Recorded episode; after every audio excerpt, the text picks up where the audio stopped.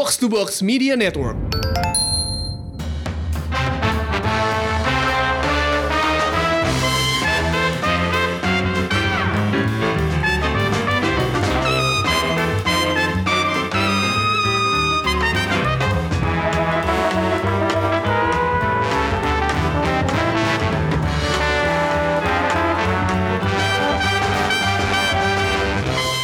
Selamat datang di Showbox Podcast bersama gua Angga. Dan gue Amy. Yeay.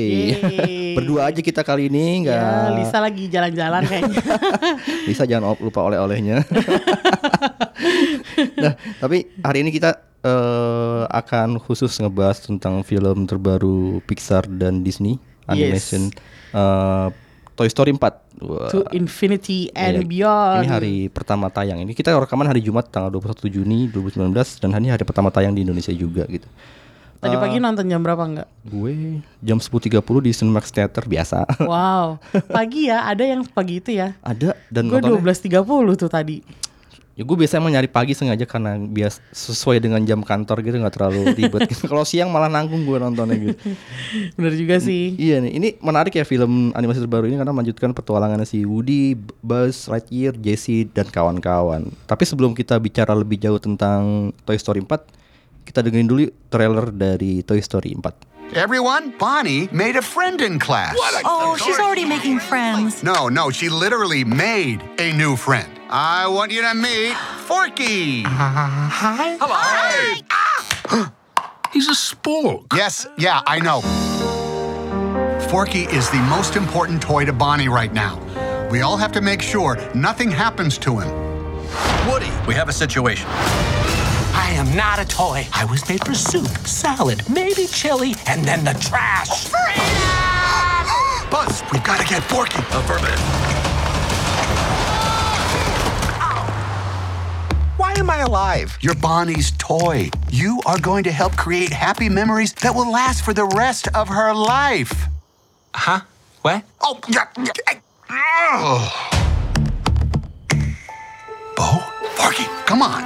Bo? Bo? Hi there. My name is Gabby Gabby. We can't stay.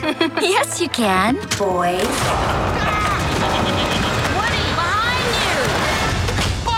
What are you doing here? No time to explain. Come with me. We need to get back to our kid. Aw, Sheriff Woody, always coming to the rescue. Bonnie needs Forky. Woody, who needs a kid's room when you can have all of this? Wow. Woody, aren't we going to Bonnie? We have to find them. What do we do, Buzz? What would Woody do? Jump out of a moving vehicle. Let's go. Eh, you gotta go, you gotta go. You know, you've handled this lost toy life better than I could. Open your eyes, Woody. There's plenty of kids out there. Sometimes change can be good. You can't teach this old toy new tricks. You'd be surprised. Bonnie? We're going home, Forky. Bonnie, I'm coming. On my way, Woody. To infinity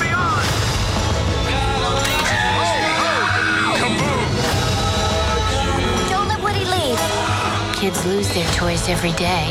I was made to help a child. I don't remember it being this hard. Woody, somebody's whispering in your ear. Everything's gonna be okay.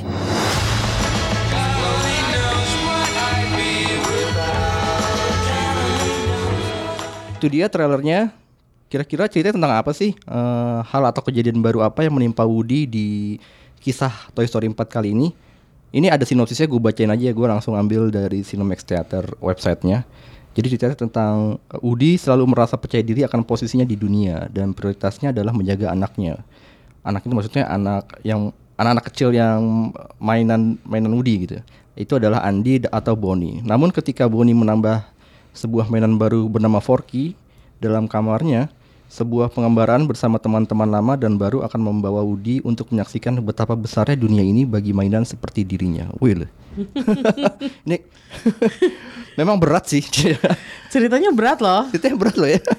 Secara psikologis cerita ini paling dewasa di antara Iya, semuanya bener ya. sih, Iya nggak bener, sih? bener. Apalagi satu dua. Ini tiga ini paling ya tiga udah mulai Udah mulai. tengah-tengah ya. Empat Heeh. ini yang paling dewasa. Karena kalau tiga itu kan eh, ada kaitannya dengan si Andy-nya tuh kuat banget ya, Iya. eh, coming of age-nya Andy Iya. gitu.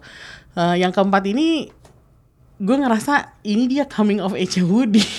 Jadi secara secara karakter di sini tuh dia kayak dapat cobaan berat banget Iya, iya. yang bikin gue agak tertekan sih awalnya.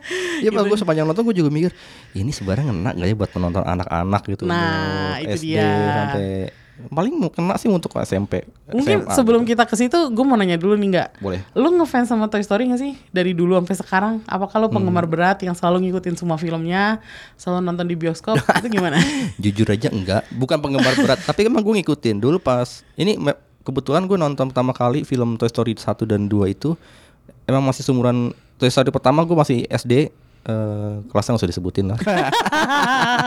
Toy Story 2 udah SMP jelas. Tapi dua-duanya nonton gak di bioskop, dua di Oh, VCD, masih VCD. VCD, oh. Original waktu itu. Nah, gue baru baru bener-bener menyukai ceritanya ketika udah masuk Toy Story 3 itu udah tahun 2010 ya. Iya, itu Rilisnya. 2010. Jauh banget tuh. Dan itu dewasa. jarak antara film Toy Story itu kayak jaraknya tuh nggak nanggung-nanggung ya. Dari satu ke dua aja itu udah empat tahun. Which is kalau sedenger-denger gua ya, jarak fil- film diproduksi di Pixar tuh biasanya emang empat tahunan. Jadi Tapi yang ini lebih lama ya. Nah, terus dari, dua ke tiga. dua ke tiga tuh bisa kayaknya lebih dari hampir 10 tahun lebih loh. 10 tahun lebih. Iya, iya. Karena film ketiga baru ditayangin 2010. Dan film keempatnya 2019. Itu kan 9 sampai 10 tahun tuh jarak yang signifikan Iya. kan. Menurut lo ada gak sih orang yang ngikutin dari pertama sampai akhir terus sekarang masih masih ngefans banget? Banyak gak di antara teman-teman lo yang Enggak kayaknya. lo nggak mengenal orang yang dari dulu sampai sekarang ngikutin dengan Enggak. setia terus Mm, Kayaknya enggak karena ya itu dia mungkin karena pengaruh terlalu pan, terlalu rentang terlalu rentang waktu terlalu panjang, terlalu Mm-hmm. jauh jadi membuat orang juga jadi tidak terlalu intens. Beda kita ketika misalnya kita ngikutin film-film Marvel gitu setiap tahun pasti Iya, ada, setiap tahun bisa ada dua, dua, gitu iya. kan. Ngikutin banget. Kalau ini kan enggak dan mungkin karena pengaruh animasi juga gitu. Hmm. Eh, kalau lu gimana? Emang lu ngikutin dari awal ngefans emang? Enggak, maaf ya ini gue pengakuan aja. gue film yang pertama itu eh, ceritanya kan eh, lumayan seru, tapi buat gue ya udah segitu aja. Gue bahkan nggak tahu kalau itu ada film keduanya. Lah seriusan Jadi gue miss banget Oh, masalahnya kedua tahun- nonton di mana? Yang pertama gue nonton di home video. Oke. Eh, terus yang kedua gue nggak nonton sama sekali karena waktu itu gue lagi sibuk lulus lulusan Oke. lulus lulusan SMA. Nah terus tiba-tiba berapa tahun kemudian gue baru tahu kalau ada Toy Story 2 Gue nontonnya akhirnya di eh, DVD udah ada DVD waktu itu. gue lagi jalan-jalan terus kan dulu banyak kan toko yang jual DVD kan Iya, kayak iya. perdana disk apa segala macam. Iya. Terus tiba-tiba ngelihat oh ada toh Toy Story 2 Akhirnya gue nyewa apa gue pinjem gitu. Pokoknya terus udah gitu Nyewa, sekarang udah nggak ada. nggak ada nggak ada tempat kayak gitu nah jadi terus yang cerita yang kedua itu gue gue nonton tapi gue udah gak inget tuh ceritanya kalau yang pertama gue keinget banget Iya, karena yang itu Buzz inget Lightyear kan datang pertama kali terus bikin si Woody itu jadi kayak aduh tempat gue gimana nih Eksistensi dia ter- Iya. terancam iya ya. iya nah terus yang ketiga gue nontonnya setelah uh, film itu udah tayang berapa minggu di bioskop akhirnya gue baru nonton jadi gue nontonnya nggak persis di hari H nih nggak kayak Hmm, hari ini Uh, jadi dibilang gue fans Pixar Iya. karena film bagus-bagus Pixar Iya. favorit gue Inside Out sampai sekarang Waduh, iya benar. tapi kalau Toy Story entah kenapa biasa aja gitu mungkin karena uh, waktu itu gue ngerasa karakter utamanya tuh si Andy itu ya sebagai pemilik toy gue kurang kurang terkait sama dia gue merasa gue mau kurang nanya nih, ngomong itu. Mungkin nggak karena Andy itu laki-laki? Karena gue pribadi, gue gue jadi punya ini karena tadi udah sempet nanya soal kaitan apa namanya kesukaan atau enggak, jadi gue ngomongin soal kaitan emosional. Jadi gue selama tadi nonton Toy Story 4 gue mikir gini, mungkin karena gue laki-laki dan ada ungkapan boys always be boys gitu kan. Eh. Dan sampai sekarang gue masih suka memikirkan mainan-mainan gue zaman dulu tuh ke mana Nah, ya. kayaknya itu- Kayaknya apakah itu punya kaitan tersendiri dengan penonton laki-laki? Sebenarnya sebenarnya gue merasa ada kaitannya ke situ karena apa yang dimainkan sama Andy itu nggak sama apa yang gue mainin Hmm, oke. kayak dia nggak punya Barbie sementara gue waktu kecil gue sempat punya Barbie satu dikadoin kan tapi ya gue mainin aja kan si Barbie itu. Terus kayak misalnya kayak kalau ngelihat boneka-boneka yang di apa gue gue seneng boneka kayak teddy bear yang soft gitu. Jadi yang ada ininya di dalam apa kapasnya di dalam. Sementara ini nggak punya boneka-boneka kayak gitu kan. Jadi Iya. gue merasa oh kok mainan mainan anak ini nggak nggak sesuai nih sama- sama selera gue. Udah plastik. Iya, jadi kayak kalau menurut gue mungkin itu ada kaitannya sih. Gue baru gue baru menyadari ini setelah gue udah dewasa ya. Kayak oh ternyata mungkin kenapa gue nggak ngefans itu sama Toy Story? Mungkin karena ya mainannya. Karena mainannya tuh bukan tipe mainan yang dulu waktu kecil gue mainin gitu. Tapi anehnya temen gue yang cowok banyak banget yang suka sama Woody Nah, sama dia. Buzz. Karena mereka waktu kecil mainannya yang gitu kan yang Iya, iya, plastik bener. terus yang bisa ngomong terus yang kayak apa sih si Buzz itu kan ada apa eh, suara-suara yang ditekan-tekan tombol itu kan. Nah, mereka tuh suka main kayak gitu Suara gitu. iya jadi kan bener juga ya kayak ada hubungannya dengan eh, gender juga kali ya dengan gendernya heeh. si apa karakter utamanya itu si Andy itu. Mungkin itu juga kali sebabnya di franchise Toy Story ini eh, akan ada beberapa ada beberapa kali kita melihat tokoh tokoh anak-anak perempuan. Masuk si Bonnie yang sekarang Hmm. Iya. itu kan perempuan. Walaupun mainnya akhirnya di- dia mainnya se- sebenarnya ya cewek cowok juga ada kadang-kadang dia main boneka, kadang-kadang dia main seperti laki-laki gitu kan. Tep- eh, tapi sebelum kita jauh, lebih jauh ngomongin soal filmnya, gue mau nanya juga soal ini eh, kualitas dari segi animasi ini kan bisa dibilang pertama kali film Toy Story pertama tayang tahun 95 ini kan awal-awal komputer gener- generated animate ini kan mulai mulai menanjak lah dan akhirnya punya perkembangan pesat sekarang. Pertama kali lu nonton dulu apa yang lu ala lu lu pikirkan gila gak? tahun 95 nonton film kayak gitu tuh aneh banget kalau buat gue yang tadinya Pas- di, kita di, di apa kita dikasih ta- di setelah nonton Lion King kayak gitu Iya, tiba-tiba kan nonton film saingannya dulu kan film-film Disney yang apa hand drawn ya, animationnya hand drawn, yang 2D ya. ya eh, yang apa bukan animasi computer generated. Jadi gue ngerasa pada saat itu asing banget loh, Hmm. asing. Tapi terus setelah eh, sekarang lihat lagi, asingnya tuh adalah karena wah dulu masih kasar banget ya. Iya, Karena iya, iya, sekarang kita udah nontonin Pixar yang Pixar kan leading banget tuh kalau soal computer generated Iya. animation. Semua filmnya dia tuh kayak animasinya tuh nggak ada yang jelek gitu bisa Heeh. dibilang. Makanya gue kaget banget tadi pas gue nonton, eh, wah ini bagus banget ya. Terus kayak teksturnya Woody tuh makin lama tuh makin kinclong gitu. Jadi apa? eh, Permainan warnanya juga, Iya, warnanya bagus-bagus lebih gitu. menarik, Makanya eh, gua rasa sih ini emang inovasi teknologi dari animasi Pixar tuh masih leading banget dan makanya dia susah banget untuk dikalahin kalau di ajang-ajang penghargaan. Hmm. Baru kemarin kan baru tahun ini ya yang eh, ada film animasi bukan dari Pixar atau Disney yang menang Iya, yaitu Sp- Spider-Man Into the Spider-Verse Iya. gitu. Ya itu nggak heran sih karena memang biasanya Pixar itu selalu punya eh, animasi yang berkualitas. Dan ini udah dari zaman dulu ya dari tahun 95 yang awal-awal Iya. itu. Sementara Disney pada saat itu masih pakai ya gaya-gaya yang apa animasi klasik si Pixar udah move Lilo- on. Kayak Lilo and Stitch itu masih era-eranya tahun 90-an pertengahan kan? masih 90-an akhir kan itu kalau nggak salah ya. Jadi ya masih inilah masih dulu kalau menurut gue sebagai orang yang dibesarkan dengan film-film klasik eh, animasinya Disney, Hmm. gue waktu itu agak susah menerima tuh gaya animasinya Pixar karena terlalu modern. Tapi lama-lama kan akhirnya Disney Jadi berjarak gitu buat lo. buat gue lumayan, lumayan karena apa ya? Gue suka dengan eh, karena kan Disney itu kalau gue kenapa suka banget sama mereka eh, film-film animasinya itu karena ceritanya kan sebenarnya cerita bisa dibilang itu dari cerita rakyat kan. Oh ya, mm. Jadi lebih familiar buat gue. Kayak cerita Beauty and the Beast, gue baca dongengnya. Iya. Sleeping Beauty, gue baca dongengnya. Terus kayak uh, Little Mermaid itu gue baca dongengnya gitu. Jadi pada saat gue bahkan kalau kita ngomongin Lion King itu kan sebenarnya fabel kan? Iya, Fabel. Terus jadi dia itu kan ceritanya memang udah ada apa ya? Basically dia kayak semacam cerita dongeng yang udah kita kenal gitu Hmm, dan animasinya tuh juga sangat apa ya? Sangat eh, di mata tuh kelihatan tuh ramah banget gitu. Jadi nggak mencolok gitu. Jadi nontonnya nggak sakit, nggak nggak bikin pusing gitu. Pada padahal waktu pertama kali gue nonton Toy Story itu gue sempet ngeluh tuh ke nyokap gue, mah kok aku pusing ya mah? Kenapa mbak gitu? Ya mungkin karena pada saat itu gue nggak kebiasaan nonton animasi kayak gitu gitu. Jadi pada saat itu gue merasa wah ini sih sesuatu yang baru iya tapi kok gue ngerasa belum siap gitu. Gue agak-agak susah move on sih kalau udah suka banget sama sesuatu. Jadi sesuatu yang baru tuh agak masuknya agak lama di gue gitu. Iya, jadi pada saat tahun 95 Toy Story muncul gue nggak langsung ngefans karena ya itu uh, perbedaan antara animasi yang gue sering lihat sama animasinya yang ada di Toy Story di Toy Story pada saat itu emang beda banget kan ininya Dan mereka ini sebenarnya bisa dibilang kan pionir ya, pionir Hmm. untuk computer generated animated ini. Eh gua sih kalau gua eh, setelah gua nonton Toy Story yang pertama di VCD itu, ternyata terus habis itu gua eh, mainin video gamenya.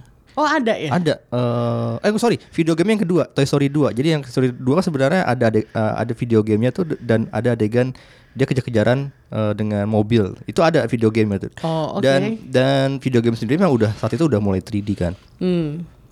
Tapi memang gue sepakat sama lu film-film Pixar terutama eh, Toy Story yang pertama ini di tahun 95 itu memang masih ya pasti belum sesemut sebelum semut eh, sekarang ya Eh, masih banyak patah-patahnya gitu.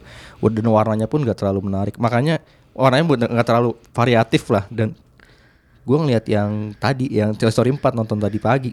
Wow, tiba-tiba langsung kayak beda banget ya warnanya tuh udah langsung kinclong sekinclong kinclongnya gitu. Gue inget banget tuh dulu si Toy Story pernah ngeluarin film pendek, film pendek Pixar yang ditempelin di film lain. Gue lupa film lainnya tuh apa, tapi lupa gue gue. inget pes- eh, ceritanya tuh kayak mainan-mainan itu tuh lagi di kamar mandi atau gimana, terus mereka pakai di situ tuh mereka kayak main air kayak terus udah gitu kayak sampai banjir gitu loh. Dan itu di film pendek itu baru sekalinya gue ngeliat Toy Story yang tiba-tiba wow warnanya tuh kayak bener-bener meriah.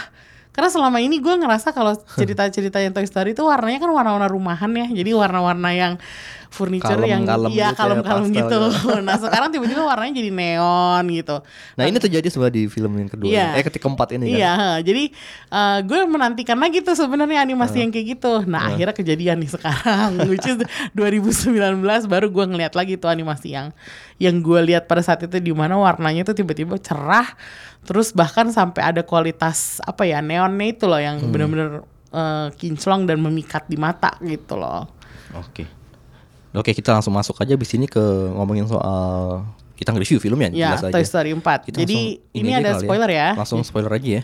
Langsung lah. Iya. Kalau kita udah, udah memperingatkan ya di awal ini eh, langsung spoiler. Jadi kalau teman-teman yang belum menonton dan pengen nonton dulu silakan. Nanti baru itu setelah itu baru dengerin lagi obrolan kita nih.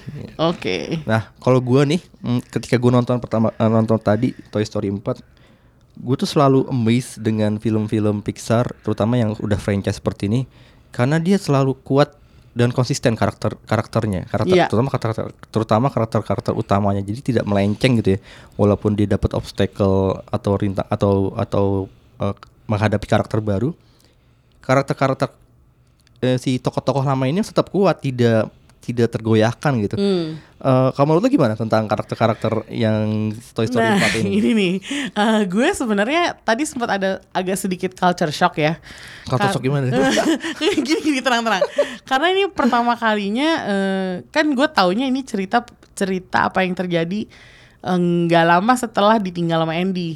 Kalau nggak salah tuh jarak antara jarak cerita antara Itu film tahun Toy Story 3 ya? tiga sama empat tuh nggak jauh beda kayak nggak nggak sampai setahun kok setahu gue. Jadi Hmm. Ya boninya masih semua masih Iya, seperti kita boninya masih kecil 3. gitu kan. Nah, terus eh, tiba-tiba ada eh, apa namanya eh, adegan pembukaannya itu dibuka dengan Nah itu gua kaget sih. Iya, nine years before ya. Heeh. Pokoknya tiba-tiba itu adalah menceritakan malam di mana Bo Peep itu Diambil. pergi. Oh. Nah, dan itu eh, apa namanya eh, cara cara dia menceritakan itu tuh pakai flashback yang gue gak nyangka sama sekali. Hmm. Makanya tiba-tiba gue terjeder, wah apa nih kok kita tiba-tiba kayak dibawa lagi ke masa lalu. Padahal kan kita udah selesai dengan cerita itu. Hmm. Gitu. Jadi gue shocknya di situ satu dikasih eh, adegan di mana namanya di eh, masa lalu di mana masih ada Andy, Andy juga masih kecil. Iya. Terus eh, yang shock kedua adalah wah ternyata itu cuman flashback, Andy nggak akan balik. Ini ceritanya Bonnie sekarang.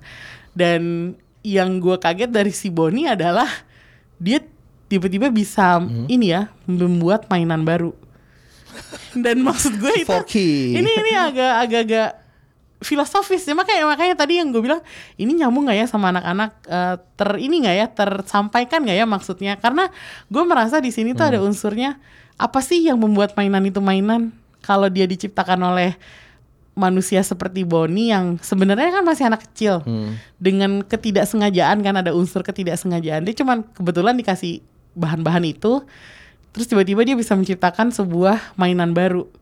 Apakah ini artinya siapa pun bisa membuat mainan dan mainan itu hidup? Hmm. itu gimana gitu loh. Jadi kayak kalau setelah itu kan si mainan yang dibikin Bonnie si Forky ini adalah eh, mengalami krisis eksistensi. Ke sampah terus ya. iya, dia menganggap dirinya itu sampah. Karena dia di- terbuat dari eh, iya, dia barang-barang sampah. Heeh. Dan itu itu di awal film lu menyajikan gitu kayak ke gua orang dewasa. Pertanyaan gua langsung banyak di kepala. Langsung, so what makes a toy a toy? Terus i- iya, iya. aturan mainnya di dunia ini tuh gimana? Kalau semua toy itu bisa hidup, apakah mereka harus dibikin sama manusia atau gimana? Apakah bahan-bahannya harus eh, tertentu atau ngasal aja juga boleh? Hmm. Kok anak kecil ini bisa bikin mainan yang akhirnya hidup, yang punya kesadaran? itu gila itu di awal film gue udah mikir kayak gitu, Dan ini makanya belum pernah terjadi di film Toy Story Toy Story Iya, sebelumnya. nggak Iya. kita nggak pernah dikasih lihat kan, kayak kita nggak pernah lihat mainan itu diproduksi di pabrik Iya. gitu. Terus tiba-tiba mereka jadi hidup gitu kan. Yang kita tahu pernah di di Toy Story 2 kalau nggak salah kita dikasih lihat Buzz Lightyear atau Toy, atau Toy Story 3 ya Buzz Lightyear 2 kalau nggak salah Toy, to- eh, si Buzz Lightyear bertemu dengan Buzz Lightyear lainnya Nah, iya kan? Jadi maksudnya eh, ini tuh kayak eh, bener-bener di awal film di Toy Story 4 ini lo udah di udah disajikan dengan sesuatu yang menurut gue itu berat banget Iya secara omongan kita cerita. tadi ya Iya. berat ya Apakah anak kecil bakalan kayaknya sih anak kecil nggak akan mungkin mikir sampai ke situ, tapi sebagai penonton dewasa gue langsung ya bisa dibilang agak-agak langsung pusing. Terus kayak Tapi oh, mena- itu menarik banget sih om, eh, pendapat lu tadi karena kalau gue pribadi gue nonton pas tadi dan melihat eh, diawali openingnya dengan adegan flashback gue langsung mikir sih gini ini jangan-jangan eh, mungkin si Pixar sendiri sadar kalau para penonton Toy Story itu udah beranjak dewasa Oh. jadi dia mencoba untuk selain juga reminding juga dia juga pengen menggait mungkin pemain apa namanya eh, target- eh, penonton-penonton baru yang masih anak-anak ya, SD mungkin yang belum terlalu familiar bahkan belum familiar dengan cerita-cerita sebelumnya dan dikasih tahu nih tentang eh, Andy itu siapa, Woody itu siapa, Woody itu ternyata pernah punyanya si Andy dan termasuk kawan-kawan bonekanya itu juga kan. Tapi menurut gua jadinya malah terlalu jadi nanggung gak sih? Iya Kalau agak. buat kayak gitu? Agak. Jadi kalau menurut gue masalahnya setelah kejadian di Toy Story 3 di mana kita udah masalahnya ya men- eh, saying goodbye to Andy di Toy Story 3 tuh udah cukup emosional. Ya, emosional banget. itu bener-bener. banyak banyak yang nangis kan pada saat itu. nangis. Nah, makanya bapak-bapak yang gue tahu juga banyak yang nangis. Gak cuma ibu-ibunya doang dan anak-anaknya Padahal doang. boys always be boys tapi tetap aja iya, nangis ya. maksudnya kayak itu kan kita udah udah udah mengucapkan goodbye ke Andy.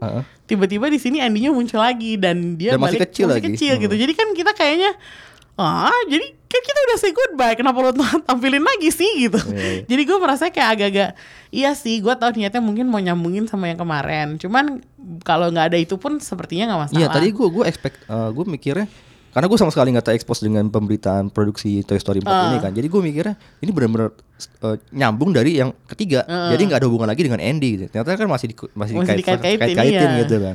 Walaupun memang bisa dibilang boleh dibilang eh, film franchise Toy Story 4 eh Toy Story ini secara keseluruhan memang ngomongin soal kepemilikan mainan. Itu tadi lu bilang juga Iya. kan. Mainan tuh punya siapa sih? Siapa yang bikin gitu kan. Nah iya soal kepemilikan mainan ini juga menjadi hal yang sangat ditonjolkan di film ini karena Iya, kok kali. kok gue eh, gini ya jadi ceritanya tuh bergulir kan kita eh, udah tahu bahwa sekarang boneka boneka eh semua mainannya Andy sekarang jadi punyanya si Bonnie. Iya.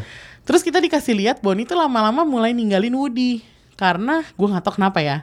Nah mungkin anak cewek nggak terlalu suka sama mainan Nah, cowboy. Iya, iya itu dia nggak tuh. sih? Terlalu cepet kalau buat gua karena tadinya kita diekspos eh, di terpapar oleh cerita Andy yang lama banget kan setia dengan mainannya Iya. kan. Kalau si Bonnie cepet banget pindah ke hal yang Iya. hati. Apakah ini eh, apa ini artinya si Bonnie dari generasi yang berbeda dengan Andy? Jadi makanya sikap dia terhadap mainan juga kayak gitu kali ya. iya. Nah, yang yang bikin gue shock adalah yang ditinggalin itu adalah si Woody. Woody. Karena Woody kan sebenarnya bintang utama Dan di pindah ke ini. loh.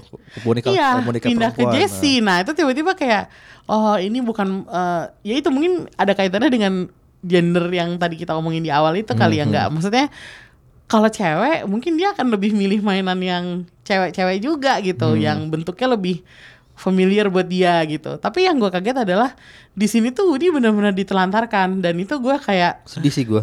sedih. gue pun sedih karena Selama sebagai ini kita ngeliat dia iya kan hero gitu ya. kan kita eh, kenalnya dari Toy Story itu adalah Woody sama Buzz gitu kan. Hmm. Dan tiba-tiba si Woody tuh beneran asli ditelantarkan gitu aja dan akhirnya dia ditinggalin di lemari bersama mainan-mainan tua yang udah bentuknya tuh udah simple, udah nggak ada Penuh debu. Iya, kasihan banget.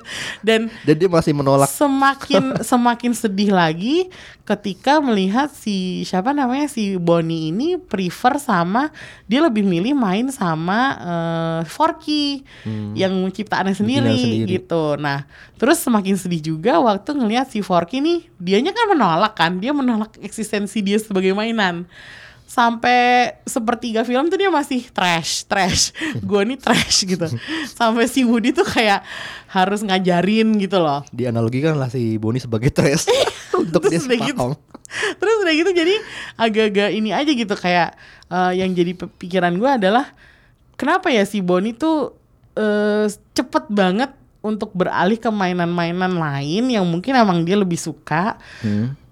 Dan kita nggak ngelihat itu hanya dari Bonnie doang karena nanti di film ini ada yang namanya Harmony juga kan cewek gitu dan si cewek ini tuh intinya dia dida- dia adalah pemilik yang didambakan oleh eh, boneka eh, creepy yang Gaby, Gaby, Gaby yang tinggal di sebuah toko antik. Yes. Nah, toko, sebenarnya Gaby Gaby ini manis, boneka manis, cuman kotak suaranya rusak. Jadi Iya. dia nggak bisa ngomong dengan cantik gitu kan. Jadi Heeh. makanya dia ngincer kotak suaranya si, Si Woody. Woody.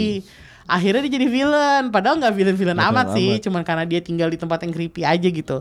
Nah si Harmony ini juga sempat menolak si si Gaby kan. Kenapa ya? Apakah anak-anak cewek ini digambarin sebagai sangat apa ya selektif gitu?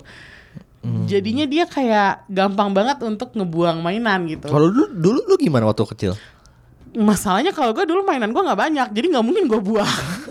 apa yang dikasih itu gue akan eh, sayang untuk waktu yang lama. Kayaknya itu itu terjadi di soal gue punya anak umur 4 tahun dan umur udah umur 9 tahun. Hmm. Yang umur 4 tahun ini beda banget kondisi ketika gue umur 4 tahun dulu yang seperti, seperti- lu juga eh, kalau dikasih mainan kita awet-awetin gitu kan. Kalau yang sekarang tuh enggak anak sekarang tuh enggak gampang banget beralih ke mainan yang lain dan dan mainan yang lama tuh walaupun usianya baru dia baru dia milikin baru tiga bulan empat bulan tetap aja itu udah terbengkalai gitu udah, udah rusak segala macam. Nah. Kalau dulu kan enggak ya. Itu mungkin perbedaan generasional kalau gitu Berarti, berarti, kan. bisa dibilang filmmaker Toy Story 4 sukses dong riset. Oh iya, gue rasa sih mereka ngambil dari pengalaman mereka sendiri ya jadi Iya, orang tua iya, ya. Gue sih curiganya gitu karena Pixar itu kan selalu gitu kan ya. Dia beneran care banget. Eh, kemarin gue denger mereka untuk bisa eh, nampilin karavan kemah itu Ya, mobil gimana? RV yang itu. Heeh. Mereka sampai nyewa RV loh, taruh di kantor mereka supaya mereka animatornya bisa hangout di situ supaya ngedapetin sudut-sudutnya tuh diperhatiin bener. Itu Pixar. Makanya mereka kalau research itu mendalam banget gitu dan mereka Ya, gue mau nambahin satu hal. Ketika Toy Story 3, gue inget banget waktu itu eh, sempat berapa kali nulis tentang Toy- Toy Story 3. Jadi untuk mendapatkan adegan kan ada adegan pembuangan sampah dan adegan yang eh, koper-koper di dalam bendara tuh. Mereka benar-benar bikin simulasinya di kantor mereka. Iya memang. Dan para animat- animator tuh ngeliatin kayak ngeliatin kayak para peneliti ngeliatin Iya. ob- objeknya gitu. Pixar itu jagonya di situ. Mereka kalau riset tuh real gitu. Jadi Iya, mereka tuh gue gue percaya banget sih kalau mereka tuh ngumpulin cerita tentang anak-anak mereka tuh kalau memperlakukan mainan tuh gimana gitu. Hmm. Karena gue tuh selalu merasa kayak eh, apa semua yang dilakukan sama Pixar kenapa bisa sukses banget itu adalah karena ada apa ya a grain of truth di dalamnya. Jadi nggak cuma cerita yang fantastis yang oh mainan bisa ngomong. Iya, gitu. iya, Tapi iya. ada juga kayak situasi dunia nyata yang mereka bawa ke situ Dan gitu. itu bisa relate nggak cuma ke pemain, nggak cuma ke anak-anak doang, Iya. bahkan ke semua orang, gitu, Iya. usia usia yang lain ya. Nah makanya kalau gue merasa mungkin ya itu kali ya perbedaan generasinya Andy, which is kita, sama perbedaan generasinya. Bonnie, Bonnie yang berikutnya gitu. Kalau gue sih dulu mainan nggak ada kali setahun tuh gue dikasih mainan paling Iya, cuma kita kan dulu satu apa dua. Harus berprestasi baru kasih Iya. Naik kelas baru dapat hadiah gitu Eh, Karena kan. gue ngerasain sendiri dat, dat- eh, ngajak anak ke toko mainan terus dia merengek-rengek terus gue jadi nggak tega gitu.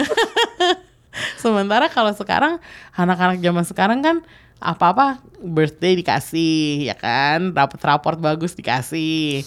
terus misalnya emaknya nggak tega dikasih juga. Terus udah gitu mainan itu pada mau dikemanain semuanya Iya, gitu kan. Ini bukan keluhan sih. Maksudnya kalau lo suka ngasih hadiah ke anak lo itu fine fine aja. Gue cuman bandingin aja. Maksud gue kalau gue zaman dulu gue nggak bisa tuh bertingkah seperti Bonnie atau Harmony. Hmm. dikasih mainan ya apalagi mainan gratisan ya. Gue terimain aja. Secara gue gak punya banyak duit ya Iya, udahlah iya. terimain aja gitu. Soal 4K tadi menarik karena itu menurut gue juga bagian berhasil dari risetnya Pixar karena gue inget ketika anak gue dulu TK masuk TK nih playgroup gitu dan TK emang ada tuh uh, awal-awal dikasih peralatan buat suruh bikin apa pun itu. Bisa prakarya bisa Oh, mainan oke. dan itu tapi gua yang gue sangat appreciate dengan film Toy Story 4 ada ternyata dia memakai si adegan dan tindak apa proses pembelajaran itu untuk membuat mainan itu sebagai reliefnya si karakter si Bonnie untuk supaya dia berani gitu Ya. itu menarik sih uh, untuk di ditampilkan di layar dan itu ternyata malah Iya. membuat jadi plotnya jadi malikin asik ya di situ memang eh, di Toy Story 4 ini gue punya perasaan bahwa memang si para animator dan para pembikin cerita dan juga si kan sutradaranya baru nih kalau nggak Iya, salah. baru, eh, di- Josh Cooley ya kalau Josh nggak salah pokoknya dia sutradara baru Cooley, yang benar. sebelumnya belum pernah kerja di Toy Story Iya, yang satu dua tiga gitu kan.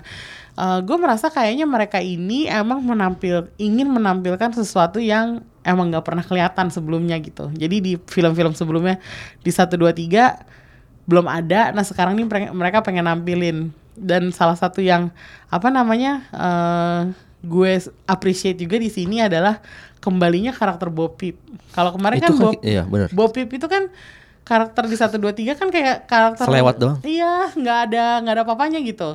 Yang beneran kayak nggak punya role yang gede meskipun kita tahu dia love interest si Woody gitu kan. Nah itu dia karena love in, soal pre- uh, relasi love interest ini makanya gue sempat mikir ini kayaknya lebih cocok buat ditonton oleh usia-usia yang Iya. udah dewasa. Di- lebih cocok ditonton generasinya Andy daripada generasinya Bonnie. Kita sama gue gue suka deh dengan gimana cara Pixar mengeksplor karakternya Bu Pip karena kita selama ini nggak pernah tahu Bu Pip Iya. itu seperti apa dan ternyata Bu Pip itu lumayan apa ya kalau ba- bahasanya mungkin lebih feminis gitu. iya, feminis banget. Dan apa eh, di sini dia dapat temen temen-temennya itu juga menarik gitu kan, yaitu Duk apa Duk Kebum Kebum.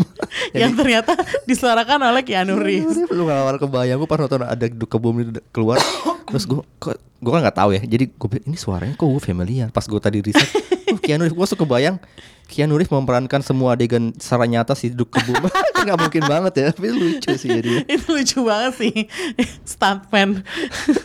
I am Canada aja pokoknya gue nggak tahu kenapa di sini tuh ya justru yang karakter-karakter baru yang dibawa sama Bo Peep tuh salah satunya yang si boneka polisi kecil itu. Eh, itu jadi kayak apa ya mereka tuh lu- lucu-lucu aja gitu. Karakternya tuh eh, yang dibawa tuh nggak seperti mainan-mainan lain yang ada di gengnya Woody zaman dulu Iya. di kamar itu di kamarnya Andy itu. Tapi juga kayak nggak mm, gimana ya mereka nggak seasing itu sampai kita tuh nggak bisa menikmati gitu loh. Jadi kayak ada masih ada kaitannya juga. Gue nggak tahu kenapa gue suka banget tadi nonton ensemble-nya yang ada si Daki sama si Bani yang ternyata disuarain sama Jordan Peele dan Keegan Iya. Michael Key kan. Maksudnya ya kayak gitu-gitu aja gitu maksudnya ternyata gengnya si Bopip yang baru nih bi- bener-bener bawa kesegaran baru yang gue sangat appreciate sih kalau ini ceritanya balik lagi lagi-lagi Ke rumah lagi. ke geng yang itu itu Iya. lagi kayaknya bakalan boring sih nggak makanya tadi waktu wah ada Bopip eh ternyata Bopipnya jadi lebih badass yang lebih benar-benar Hmm. kayak super Wonder Woman gitu kan ceritanya terus dia kayak dia ngajarin sama Woody bahwa sebenarnya masih ada anak-anak lain yang nggak punya mainan di luar sana gitu Hmm. Iya. jadi lo nggak perlu cuman attach sama satu mainan pemilik, Eh, pemilik doang ah, gitu anak-anak. pesannya bagus juga sih karena kalau gue pikir-pikir ya mainan-mainan gue yang dulu tuh gue kasih ke mana sih akhirnya kan gue donasiin tuh ke Hmm. apa panti asuhan kayak gitu ya, emang bener sih masih banyak anak kecil yang nggak punya mainan. Jadi Masih banyak bener. makanya yang tadi gue keinget banget nih waktu si Bopim ngomong ya kenapa sih lo uh, niat banget sama si Bonnie ini? Maksudnya Bonnie tuh juga nggak mikirin lo gitu. Ya kan di luar sana masih ada anak-anak lain yang nggak punya mainan. Dan akhirnya kan tadi waktu mereka mau ngajak si Gaby setelah si Gaby akhirnya suaranya udah sembuh dia ditolak sama Harmony terus sama si Woody kan tadinya mau dibawa ke Bonnie kan mau dibawa yuk ikut Iya. ikut kita jadi lo bisa punyanya jadi punyanya Bonnie gitu Tapi terus di tengah jalan mereka ngelihat ada anak lain nih yang butuh bantuan. Itu buat gua agak aneh sih adegan itu. Iya agak aneh sih, tapi eh, pesan yang di- ingin disampaikan kan adalah yaitu memang ternyata memang bener ada anak lain yang butuh bantuan dan akhirnya dibantulah oleh si Woody, Bo dan kawan-kawan termasuk si Gabi Gabi. Makanya oh ini tuh maksudnya jadi mereka pengen ngajarin bahwa nggak usah lah kalau lo emang nggak disayang sama pemilik lo bukan artinya lo harus kayak bunuh diri buat Atau you know. berkhianat gitu. Iya gitu. Jadi bukan janganlah lo menyakiti diri lo sendiri untuk orang yang nggak appreciate lo karena mungkin di luar di luar sana masih ada orang yang akan lebih mengappreciate lo gitu. Jadi pesannya sih menurut gue bagus sih. Hmm. Meskipun gue nggak yakin pesan itu akan langsung tersampaikan ke anak kecil. Jadi mungkin yang disampaikan itu adalah ke orang tua mereka untuk ngajarin ke anak-anaknya Iya, iya, gitu. Tapi eh, yang tadi lu bilang soal ceritanya ini sendiri memang gue perlu jujur karena di awal sebelum Toy Story ini rilis, Toy Story 4 ini rilis, gue sempat mikir gue perlu nonton gak ya? Karena gue sempat mikir gini, kita udah di dikasih di selama Story 1 2 3 kita udah di babar- jabarin cerita tentang kepemilikan eh, mainan dan anak-anak dan relasi mereka gitu kan.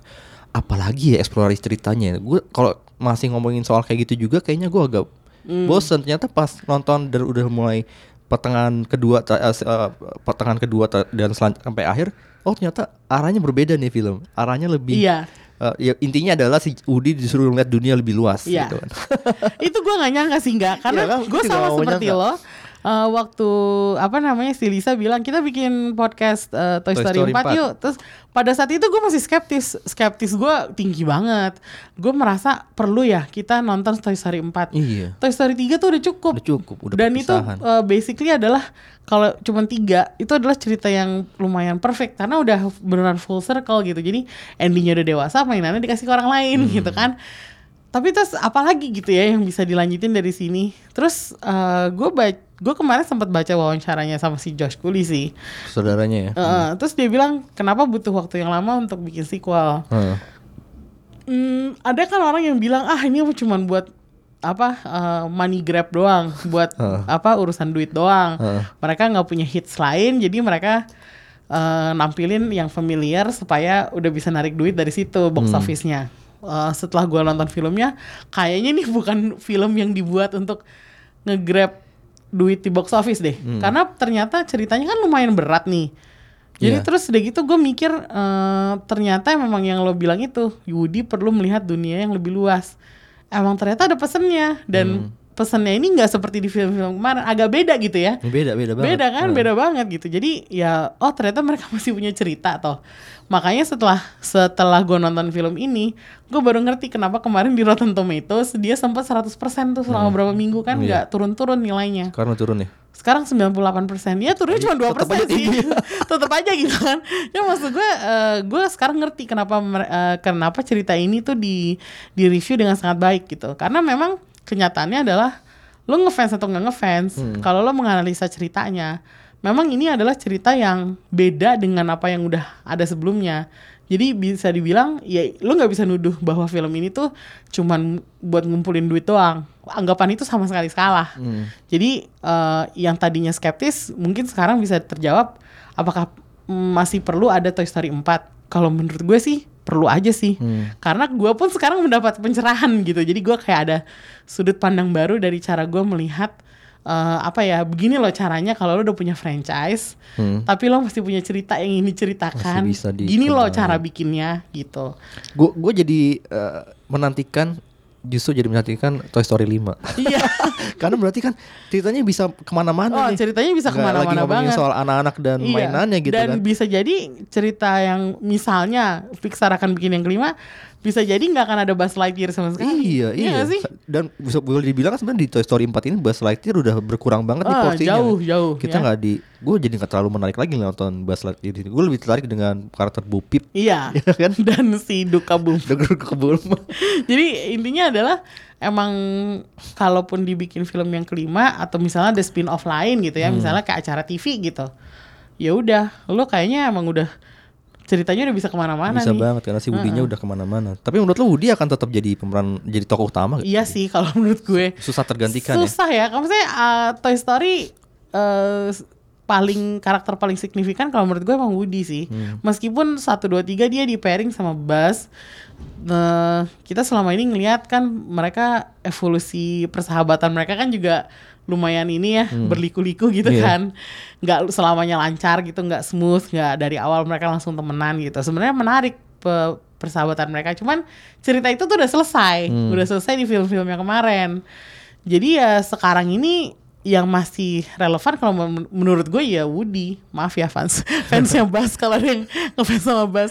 Mas gue sih nggak menutup kemungkinan akan ada lagi tuh karakternya si Bas cuman kayaknya nggak akan bisa tampil sama Woody lagi ya Yang, yang udah susah lah itu udah pisah juga kan mereka Iya. sekarang. Gue jadi mikir gini soal pengisi suaranya kan Tom Hanks yang ngisi suaranya Woody kan. Heeh. Dia akan akan terus menjadi Woody gak ya? Karena kan boleh di ya pa- harus diakuin umur pasti mengaruh ke eh, energi seseorang gitu Iya. ya. Soalnya gue agak sedikit ngerasain gimana energinya Woody yang satu dua ke keempat sekarang agak sedikit, berbeda gitu karena Iya. kan bagaimanapun suara tuh mewakili kondisi fisik juga kan gitu Iya. kan. Beda mungkin kalau Tom Hanks eh, beda mungkin kalau Tom Tom Cruise yang karena dia lebih kuat nggak nggak nggak nggak nggak lemah-lemah. Tom Cruise Mission Tapi Impossible Keanu Reeves di sini ya. iya Keanu Reeves itu itu pun udah tetap terlalu apa udah selalu kuat gitu selalu muda dia kayak agak susah ya nggak mau diganti juga suaranya udah ikonik banget ya. iya kalau menurut gue inilah sebelum Tom Hanks pensiun udahlah selesaiin aja ceritanya bener-bener Iya, iya, kalau iya. mau mau ada film kelima ya, Ya, jadi spin-off kali kayak. ya jadikanlah itu film yang beneran terakhir pakai suara Tom Hanks gitu jadi nggak harus ada kayak eh, pergantian pemeran gitu kayak Hmm. bangsanya Han Solo gitu kan maksud gue kayak ya udahlah maksudnya eh, jangan diganti gitu sayang aja kalau menurut gue ini kan salah satu meskipun wajahnya tidak terlihat Iya. Woody itu salah satu karakternya Tom Hanks yang paling terkenal kan. Mm-mm. Hmm. jadi sayang kalau diganti dan ya gue sih agak nggak rela sih kalau dia diganti ya Iya iya iya. Kalau gue ngomongin soal ini, eh, Toy Story 4 tadi kan lu udah bilang soal pesannya apa eh, layer-layer itu dalam-dalam gitu, pemaknaannya dalam-dalam. Emang emang bener sih kalau menurut gue pribadi Toy Story 4 tuh kayak kayak mengomentari zaman sekarang gitu. Kan kan anak-anak zaman sekarang ini gue berkaca dengan berkaca juga dengan kondisi anak yang sering gue temuin di mana-mana gitu ya, termasuk di rumah gitu. Anak zaman sekarang tuh jarang udah ya main masih ada main-mainan. Cuman udah tadi seperti kita bahas udah mereka nggak terlalu awet dengan mainannya. Mereka lebih sering main gadget kan. Hmm. Dan di film ini Toy Story 4 nggak ada eh, nggak ada adegan sedikit pun shot ketika mereka me- main gadget. Nggak masalah sih. Mungkin ini sebenarnya sesuai tadi yang lu bilang juga pengen ngasih pesan itu juga masih tentang tentang eh, siapa sih kepemilikan si mainan ini terus sebenarnya hubungan emosional mainan dengan anak itu seperti apa. Cuman gue jadi mikir juga ketika eh yang tadi soal ini ini soal komentar zaman mungkin juga Toy Story 4 kayak semacam mengasih eh, ngasih komentar ter- terhadap perkembangan anak-anak sekarang yang udah jauh nih dari eh, main-main dengan fisik mereka gitu. Mereka lebih banyak diam duduk eh, menatap layar kecil gitu kan dan asik di situ. Bukan berarti imajinasinya nggak tereksplor, tetap tereksplor. Cuma ada bedanya ketika lu main dengan mainan fisik, imajinasi dan eksplorasi lu lebih lebih kuat gitu kan. Hmm. Soalnya gue inget ketika nonton film ini, gue inget ini satu satu toko di daerah Cinere. Gue daerah, gue tinggal di daerah sana. Itu setiap berapa hari sekali gue lewatin. Ada satu toko di ruko gitu, toko mainan boneka. Hmm. Eh, itu nggak ada yang beli tuh kayaknya. Sampai mereka bikin diskon gitu 50% terus nggak ada yang tetap ada yang beli itu boneka-boneka besar semua. Gue jadi mikir kan emang sekarang ketika gue lewat di sana gue emang gue mikir emang masih ada mainan boneka sebesar itu ya? Gitu. Hmm. sedangkan sekarang suka ada banyak banget gadget gitu kan. Dan muncullah film Toy Story 4 Gu- ya seperti kita udah bahas jangan-jangan mungkin ini film ini cocok ditontonnya oleh pen- oleh eh, penonton yang udah dewasa. Iya. Karena kalau menurut karena udah gue, nggak relate lagi dengan anak-anak sekarang karena gue juga merasa di zaman gue aja yang ngoleksi mainan itu sedikit. hmm. Hmm, gue inget banget waktu gue SD dulu temen gue ada yang suka ngoleksi boneka-boneka, bukan boneka sih apa mainan tentaraan kecil-kecil. Ya, ya. Iya, itu ada kayak- di Toy Story 1 dan 2. Iya iya iya iya. Nah, dulu dia suka mainin itu tentara-tentara yang apa sih ntar dibikin formasi Iya, gitu iya, kan. iya. Nah, terus tahu gua abis itu dia berhenti. Berhenti berhenti mengoleksi pas dia dewasa dia malah ngoleksi action figure. Sebenarnya Jadi- jauh beda sih. beda. Jadi kalau kalau menurut gue sih emang ada di suatu usia tuh orang-orang bakalan meninggalkan mainan tapi nanti udah gedenya bakal balik lagi ke mainan itu dalam bentuk yang lain. Iya. gue sih merasa kayak gitu ya nggak karena gue mengalami sendiri. Dulu gue mainan ya tadi gue bilang gue pernah dikasih Barbie. Terus gue gue sering dikasih boneka-boneka lembut yang dalamnya ada kapasnya teddy bear kayak gitu-gitu yang bentukannya ada ikan ada kelinci apa segala macam tuh gue gue dulu dikasihnya tuh yang kayak gitu tuh. Nah terus udah gitu em, gue nggak pernah dikasih mainan toys yang ada plastiknya. Mungkin karena uh, nyokap gue nggak terlalu suka yang itu karena kecil-kecil kan gampang ketelen kalau misalnya Iya, iya. ini kan kalau dimainin sama anak-anak Eh, setelah sekian lama gue naik gue naik kelas naik kelas SMP boneka gue kebanyakan nyokap gue bilang yang udah nggak mau dimainin kita sumbangin aja yuk. Pada saat itu gue ayo mah gitu. Soalnya emang kamar gue kan penuh banget. Akhirnya kan gue beralih ke tuh eh, apa gue lebih suka baca buku daripada main. Eh, gue lebih suka nonton daripada main. Mainan main maksudnya main mainan yang toys gitu ya gitu. Jadi gue perlu ruang buat nyimpen buku gue DVD gue gitu Nah, waktu gue udah mulai kerja, gue mulai lagi kan nonton film-film kayak ya bangsanya eh, apa sih di TV tuh dulu ada Smallville yang kayak gitu-gitu kan, yang Dawson Creek ya. terus udah gitu kayak apa gue sering nonton film-film superhero lama-lama akhirnya gue ngeleksi Funko lah apalah Oh, yang iya. apa mainan yang action figure gitu terus gue hitung dengan jari nih gue tak kayaknya ada kali 20 tahun gue nggak mainan toys sampai gue gede terus akhirnya gue kerja dan gue punya duit sendiri dan akhirnya bisa beli action figure sendiri gitu jadi emang ya Siklus sebenarnya. siklus kayaknya nih. Sepertinya kayak anak-anak zaman sekarang mungkin eh, dia sekarang mungkin belum belum ada pengetahuan tentang action figure gitu. Mungkin sekarang dia taunya cuman mainan yang apa ada apa yang ada misalnya di kids di Toys R Us gitu. Apa Kids Station apalah namanya gitu kan. Iya, bener sih yang lu sebut tadi. Iya. Brand-brandnya. Terus udah gitu eh, mungkin pad eh, mainan-mainan itu mereka dibarengin sama oh mereka sambil main gamenya di gadget gitu kan. Iya. Nanti ada suatu saat di mana mereka kan bosen dengan semua itu, ntar interestnya beda, tapi nanti mungkin pas udah dewasa mereka nonton film lagi nih, mereka belajar sendiri film ini film itu. Siapa tahu mungkin ntar tiba-tiba mereka nonton film Pixar, terus mereka baru menemukan Toy Story di zaman kapan, terus tiba-tiba mereka nyari tuh collectible item Toy Story. Itu mungkin pesan-pesan juga yang mungkin disampaikan oleh Toy Story 4 karena bagaimanapun bermain dengan mainan tuh tetap punya selain juga rasanya berbeda juga penting sebenarnya buat perkembangan tubuh kembang anak gitu. Gue kayak orang tua parenting kelas parenting tapi emang bener sih. Dan apa gue juga ngalamin eh, yang tadi lu bilang ketika udah sekarang udah bekerja gue nyari lagi tuh dong. Gue nyari lagi dong eh, apa mobil-mobil Tamiya. Hmm. Dasyong Kuro tuh kan?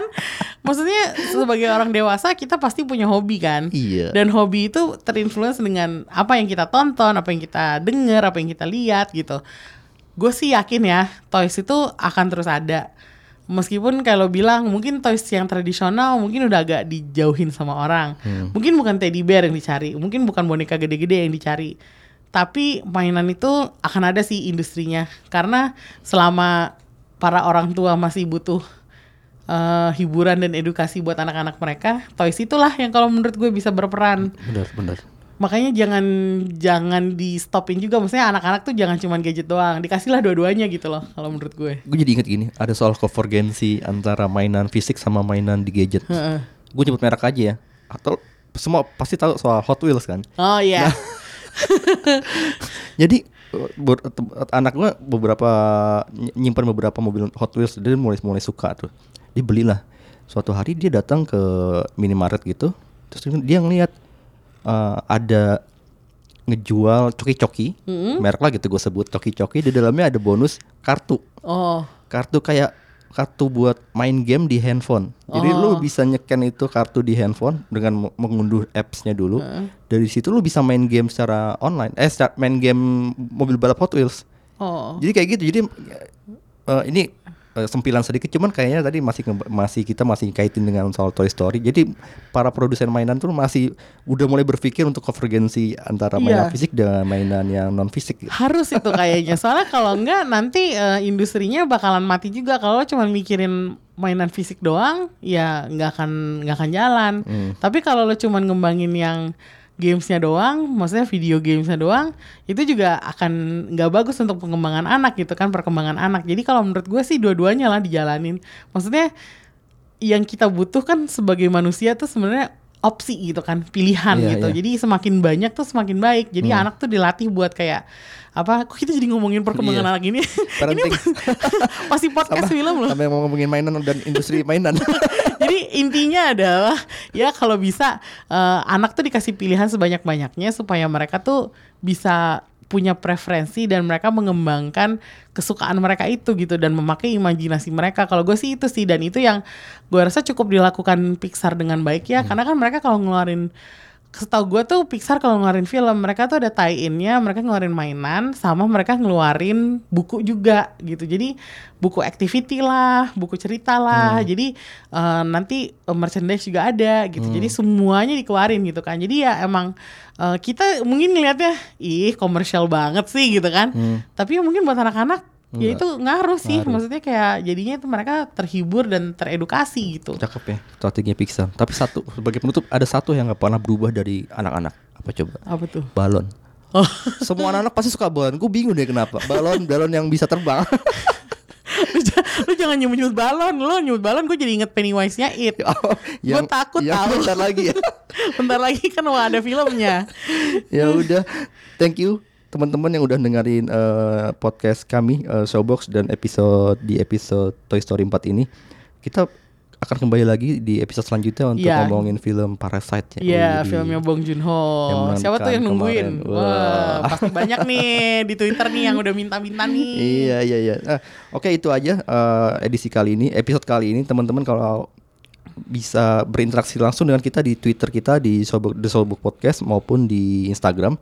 Eh, terima kasih sudah mendengarkan. Eh, sampai jumpa lagi di episode selanjutnya. Dadah. bye